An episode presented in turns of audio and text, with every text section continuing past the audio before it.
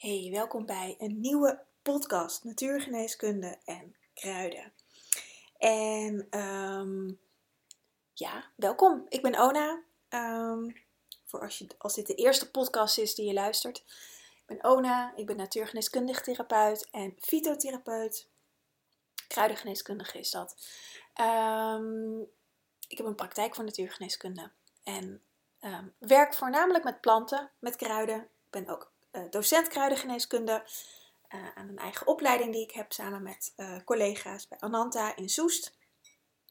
Waarbij we studenten opleiden tot natuurgeneeskundig therapeut. En um, ja, fijn dat je luistert. Fijn dat je er bent of misschien weer bent. Uh, ik ben van plan om weer wat meer podcasts op te nemen. Dat zeg ik heel vaak. En dan, als ik dat van plan ben, dan, uh, dan, dan ineens heb ik er geen ruimte voor. Of heb ik geen inspiratie of geen zin. Of nou ja, dat soort dingen. En als ik dat allemaal niet zeg, dan vloeit het ineens door me heen. Maar goed, dus maar het is wel mijn intentie om wat meer podcasts weer op te nemen. Want ik vind het nog steeds een van de leukste uh, dingen om te doen. Omdat ik daar lekker mijn verhaal in kwijt kan. En textueel ben ik uh, iets minder goed.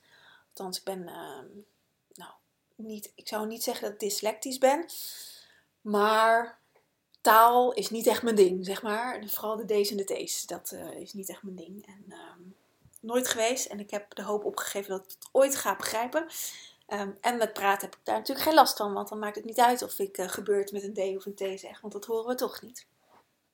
Dus uh, podcast is altijd mijn, mijn favoriete platform. Wat ik vandaag in deze podcast wilde doen, de titel zegt het al een beetje. Um, wat is onkruid en wat niet? En deze vraag kreeg ik onlangs uh, via Instagram. Ik had een vraagsticker geplaatst, dat doe ik wel vaker. Dus als je graag uh, zelf iets meer wil weten over een bepaald onderwerp, uh, kun je me op Instagram volgen, want daar zal ik af en toe een sticker plaatsen. Maar je mag het me ook gewoon mailen. En wie weet komt jouw vraag dan um, in de podcast voor. Deze vraag, nou ja, ik laat me er een beetje op inspireren. Want ik zal even de vraag letterlijk uh, uh, uh, voorlezen. Mijn vraag was: eh, oh ja, naar welke onderwerpen je graag luistert en of je een vraag hebt voor de podcast. De, de vraag was: wat men onkruid noemt, ehm, wat kun je ermee doen en waarvoor is het goed? Nou, dat is voor in een vraagsticker op Instagram heb je ook maar een heel, heel beperkt aantal tekens uh, wat je erin kan plaatsen. En dan wordt het vaak een beetje cryptisch. Maar wat men onkruid noemt en wat kun je ermee doen, waarvoor is het goed? Dit is een hele grote vraag, want in mijn optiek is alles wat onkruid wordt genoemd een kruid. En dat zijn uh, duizenden planten. die duizenden planten zijn voor heel veel dingen goed. Dus dat, ja, dat is niet in één podcast te vangen waar wat goed voor is. En het ligt ook maar net aan wat voor een plant het is natuurlijk.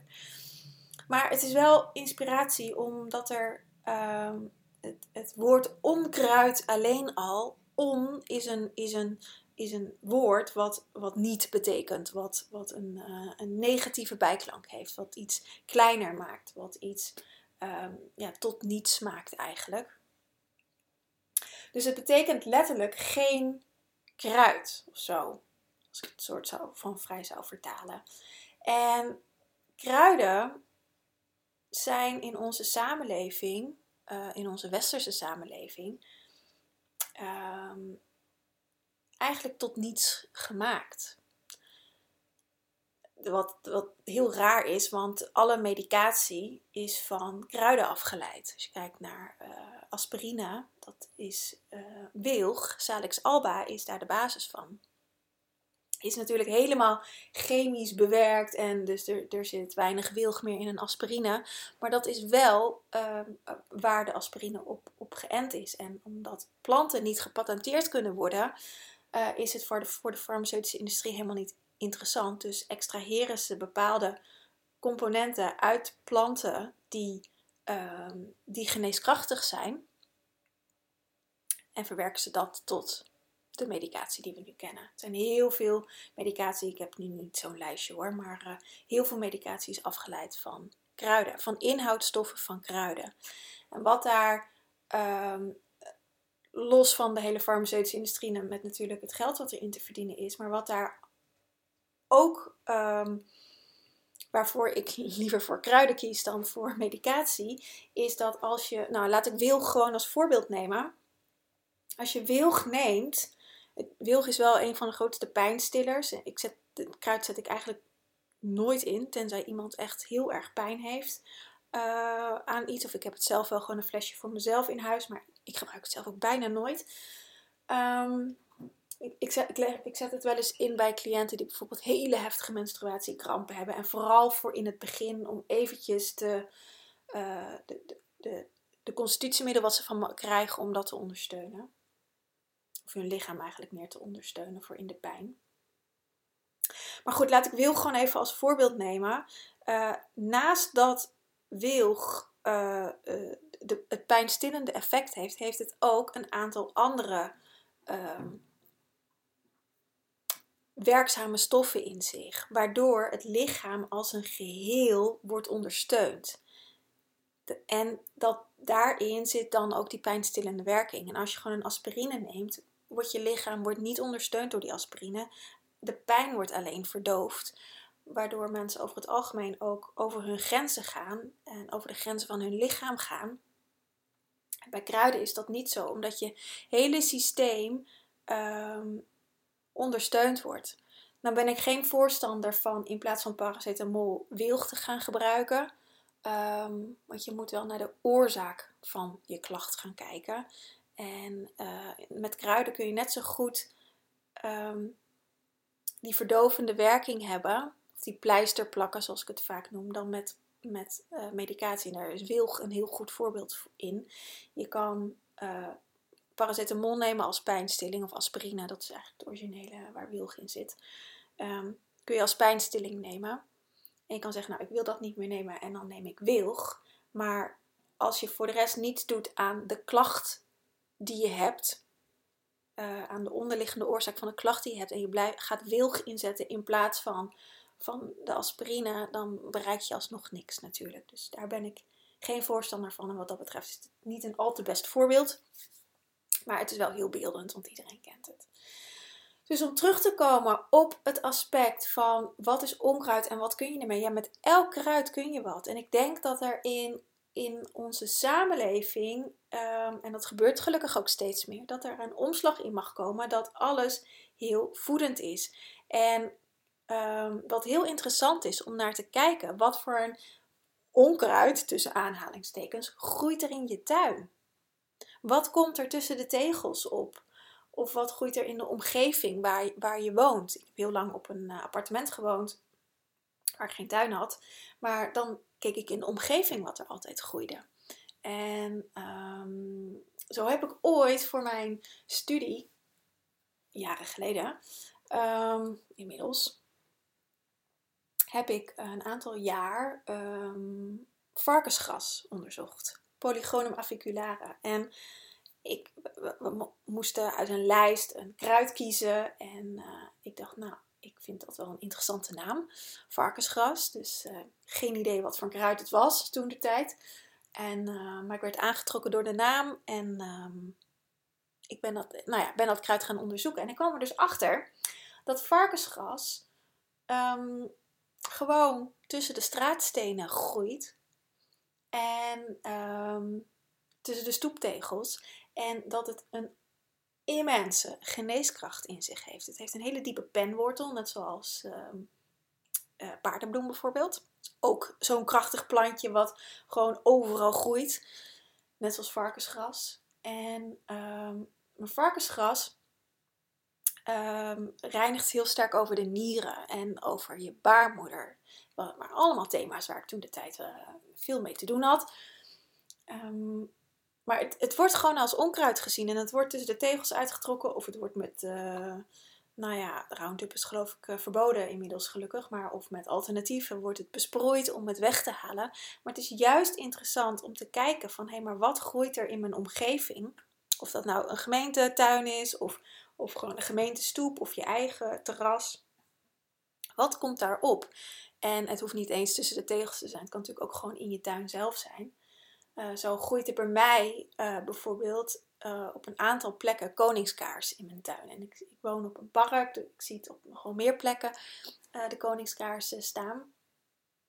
Het is nu februari, dus het is alleen het blad. en de koningskaars komt een hele mooie hoge bloem komt daaruit. Of eigenlijk een stengel met verschillende bloemetjes eraan. Geel is het.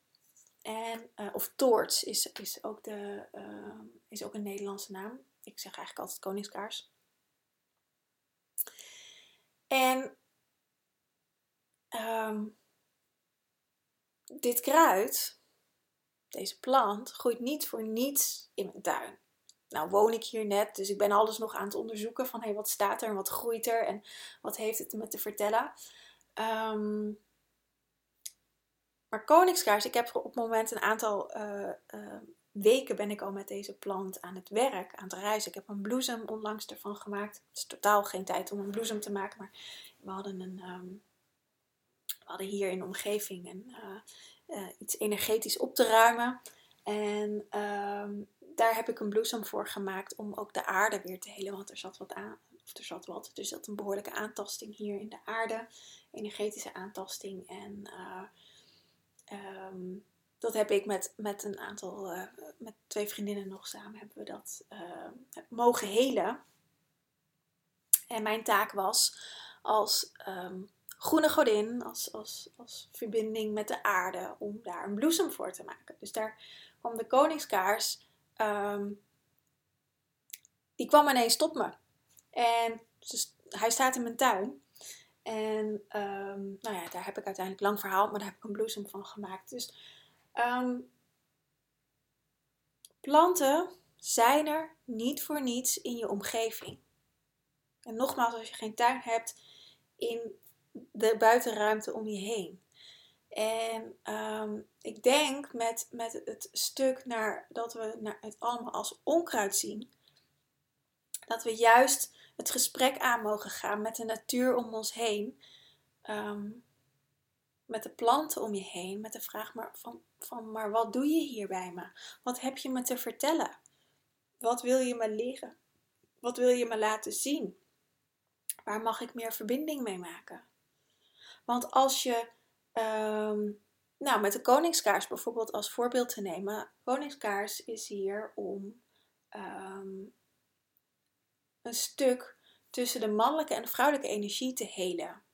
En eh, koningskaars is een mannelijke energie, dus het gaat vooral over um, de vruchtbaarheid en het zaad. De, dat is ook vruchtbaarheid natuurlijk. Om dat weer in de aarde te brengen, zodat de verbinding met het vrouwelijke weer kan ontstaan. Daarom is de koningskaars hier. En bij mij in de tuin, omdat ik op, dat, op dit moment dit zelf in mezelf ook deze reis aan aan het gaan ben. Om echt in de eenheid te komen met mezelf, met uh, mannelijke aspecten en vrouwelijke aspecten in mezelf. En weer, uh, ja, eigenlijk de vruchtbaarheid ook in mezelf weer aan het herontdekken ben. Zonder dat daar kinderen of wat dan ook, dat mensen dingen, dingen gaan denken. Dat, heeft helemaal niks mee te maken. Um, juist mijn relaties vorig jaar uh, overgegaan uitgegaan. En uh, ik ben echt weer daarin, in de eenheid in mezelf aan het komen. Dus dat laat de, uh, de Koningskaars mij zien, mij ervaren en, en, en brengt me weer wat verder op het pad. Maar als je paardbloem in je tuin hebt staan, heel veel paardenbloem, um, ja, gaat gesprek aan zou ik zeggen. Paardenbloem is ook een, een, een, een zonneplant, verbonden met de zon ook mannelijke energie. Een, uh, een ontgifter, een detoxplant. Um, ja, kruiden zijn er niet voor niets. En als je alleen woont, heeft dat allemaal betrekking op jezelf. Woon je met meerdere mensen, met je gezin of met huisgenoten samen, um, dan heeft het eigenlijk op iedereen betrekking. Um, maar het vooral op degene op wie het opvalt. Ik hoor ook wel eens verhalen, het is echt heel mooi als je hierop gaat letten, uh, dat er in, de tuin, in tuinen, als je je tuin een beetje gewoon uh, zijn gang laat gaan, dan, zonder dat alles overwoekert natuurlijk, maar dat je het gewoon op een natuurlijke manier de gang laat gaan, dat, dat je ineens hele andere planten kan krijgen in je tuin. En dat andere dat planten die er heel lang stonden ineens niet meer opkomen. Omdat je in een nieuwe fase komt en, en er weer nieuwe dingen ontdekken. Dus voordat je gaat denken, oh er groeit allemaal onkruid en dat moet weg. Ga eerst eens de reis aan. Ook als je, ehm, weet ik veel, uh, een akkerland hebt of, of uh, een groot stuk weiland en er groeit ineens van één soort of, of soms meerdere soorten planten. Deze kruiden willen je iets vertellen of willen, willen de aarde, zijn de aarde aan het ondersteunen om te regenereren over het algemeen. Om de grond weer klaar te maken voor nieuw leven, voor nieuwe planten. Wat je bijvoorbeeld kan zien als een, als een stuk uh, landbouwgrond vaak, maar dat kan ook gewoon een stuk gemeentegrond zijn, uh, wat uitgeput is. Waar weinig voeding meer in zit, waar weinig leven meer zit in, in, in de grond zelf. Dan komt er vaak als eerste Maria-distel.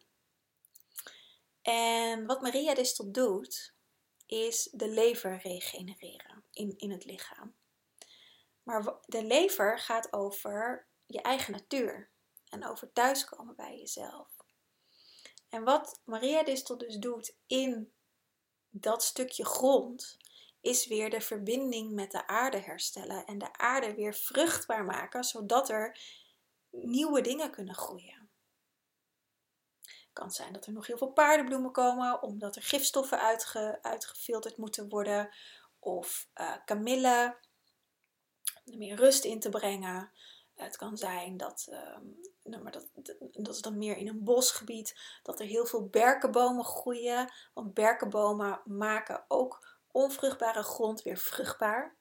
Die halen alle um, toxiciteit eigenlijk uit de grond. Dat doet een berk dus ook in je lichaam.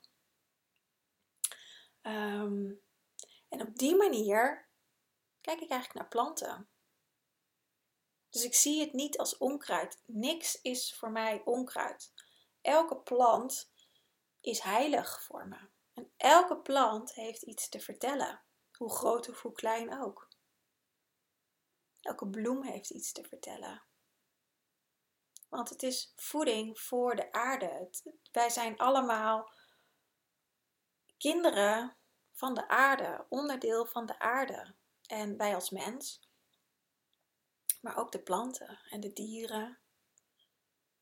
Al het leven hier op aarde. Dus ja, de vraag die ik kreeg van wat kan je ermee? Je, kan, je kan ermee helen. Als je weet hoe je, hoe je met planten kan helen, dan kun je ermee helen. En ik denk dat het vooral belangrijk is dat we de natuur zijn gang laten gaan. Want als er iets de afgelopen honderd jaar, misschien nog wel iets langer, niet goed is gegaan, is dat we als mensheid um, onszelf behoorlijk boven de natuur hebben geplaatst. Dat is al wel wat langer gaande natuurlijk. Uh, maar zeker met de hele industriële revolutie heeft dat een vogelvlucht genomen. Dat we, dat we nou ja, zeker na René Descartes, is al veel eerder geweest, maar het uh, ik denk dus ik ben verhaal. Vanuit daar is die, die afgescheidenheid gekomen tussen in het denken en het hart. Het denken en het lichaam. Of je hoofd en je lichaam. En dat is ook in de natuur zichtbaar. Want alles wat buiten ons zichtbaar is in de natuur, gebeurt ook in onszelf, in ons lichaam. Als ik zelf uh, hier over de hei loop en er, er, ik zie zoveel vernieling, zoveel blaadjes die van de bomen getrokken worden. Staan echt prachtig hulst. En hulst is um, redelijk zeldzaam in Nederland. Het, is, staat er nog wel. Ehm, maar ook niet meer op heel veel plekken. Ik heb hier een hele grote boom in de tuin staan. En in in de, gewoon in de natuur groeit het ook nog wel. Maar het, het is niet meer zo vanzelfsprekend. En er worden gewoon door mensen of door kinderen, ik weet het niet, maar worden er blaadjes afgetrokken. Want er liggen gewoon groene blaadjes op de aarde. Nou, die, groeien, die vallen er niet zomaar in één keer vanaf. En ehm, er worden ook kleine dennenboompjes uit de grond getrokken en gewoon neergegooid. En ehm, dat doet me echt pijn. Dat doet me echt diep verdriet dat er zo'n vernielzucht is. Dat de, dat de natuur, dat gewoon een, een, een, een levend wezen, dat er gewoon aan getrokken wordt. Je kan het toch niet voorstellen dat als wij op straat lopen en dat iemand tegenkomt, dat iemand even een vinger ervan afrukt bij iemand en gewoon op straat gooit. Of een teen of een neus of zo. Dat zou, dat zou best raar zijn als iemand dat zou doen. Ehm, maar bij de natuur wordt dat gewoon gedaan. Ik vind dat zo raar. Echt, ik heb, het, ik heb dat nooit begrepen. En het, het doet me ook echt intens verdriet als ik dat, uh, dat zie. Zegt ook van alles over mij. Dat er, dat er echt nog wel echt pijn in zit. Um, maar ja, dat is, weet je, ook met onkruid, dat, er, dat, dat, dat het gedaan wordt alsof dat niks is. Ja, dat is het niet. Het is leven. Er zitten wezens in, natuurwezens. Hele krachtige, um, werkzame stoffen die we kunnen inzetten voor onze heling, zodat we weer gezond worden. Zodat we weer naar de eenheid en naar de verbinding kunnen bewegen. Dat is wat ze ons allemaal laat zien. En moet je kijken, het staat er allemaal nog steeds. Hoe vernietigend wij mensen zijn voor de natuur. En het staat er allemaal nog steeds. En die onvoorwaardelijke liefde, die, die alle planten in zich hebben en, en ja, en zich niet kapot laat krijgen. Ook zoals varkensgras. Daar lopen mensen over. Nou, mensen trekken het eruit. Ehm, nou, met Roundup wordt er overheen gegaan. Weet ik veel wat. En het komt gewoon vrolijk weer op.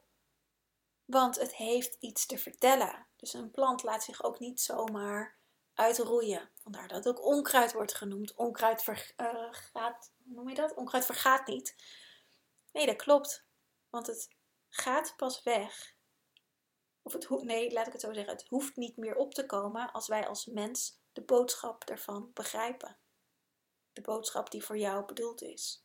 En zolang ehm, dat we dat niet zien en niet erkennen, zal de natuur haar best doen om tot ons door te dringen. En blijft het dus opkomen. Dus heb je last tussen aanhalingstekens van een plant, dan zegt dat alles over jou. Um, ga het gesprek aan. Ga gewoon aan deze plant vragen: wat doe je hier bij me? En wil je weten hoe je dit allemaal doet en hoe je dit kan leren? Dat uh, doe ik in de Herbal School. Dus daar kan je ik zal even een linkje daarvoor hier in de show notes plaatsen. Want ik snap dat het ook wel makkelijk is gezegd. Oh, dan ga je even een gesprek met een plant aan. Voor mij is dat heel normaal. Maar ik weet ook wel dat dat niet, niet normaal is. Um, ik, heb even een binnenpretje. Dat ik laatst met een vriendin waren we aan het wandelen. En um, dat ik zei, nou, ik ben echt, ik ben 39. Uh, eh, ik woon in een hutje op de hei met de natuur om me heen en mijn twee katten. En ik ben onwijs gelukkig. En uh, ik zei, nou, het is wel echt een soort van heksje, zeg maar, die daar, die daar op, in een hutje op de hei woont. Nou, het was heel grappig. Als ik het nu na vertel, weet ik helemaal niet of het grappig is. Maar goed, het was heel grappig.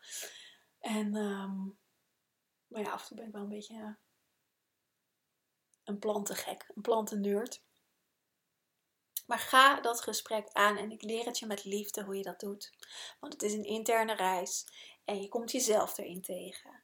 Uh, want planten zijn onwijs liefdevol, maar geen zachte heelmeesters. Um, en daarmee bedoel ik dat je, ja, dat je wel naar jezelf mag gaan kijken daarin.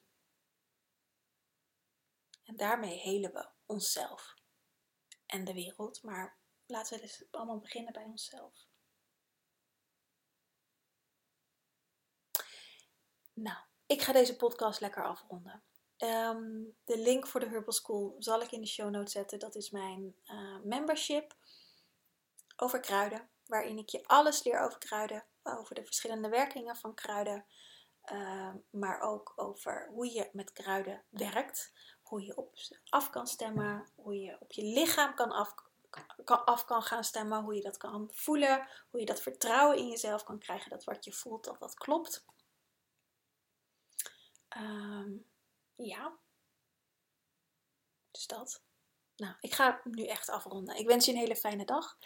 En tot een volgende keer. Aho!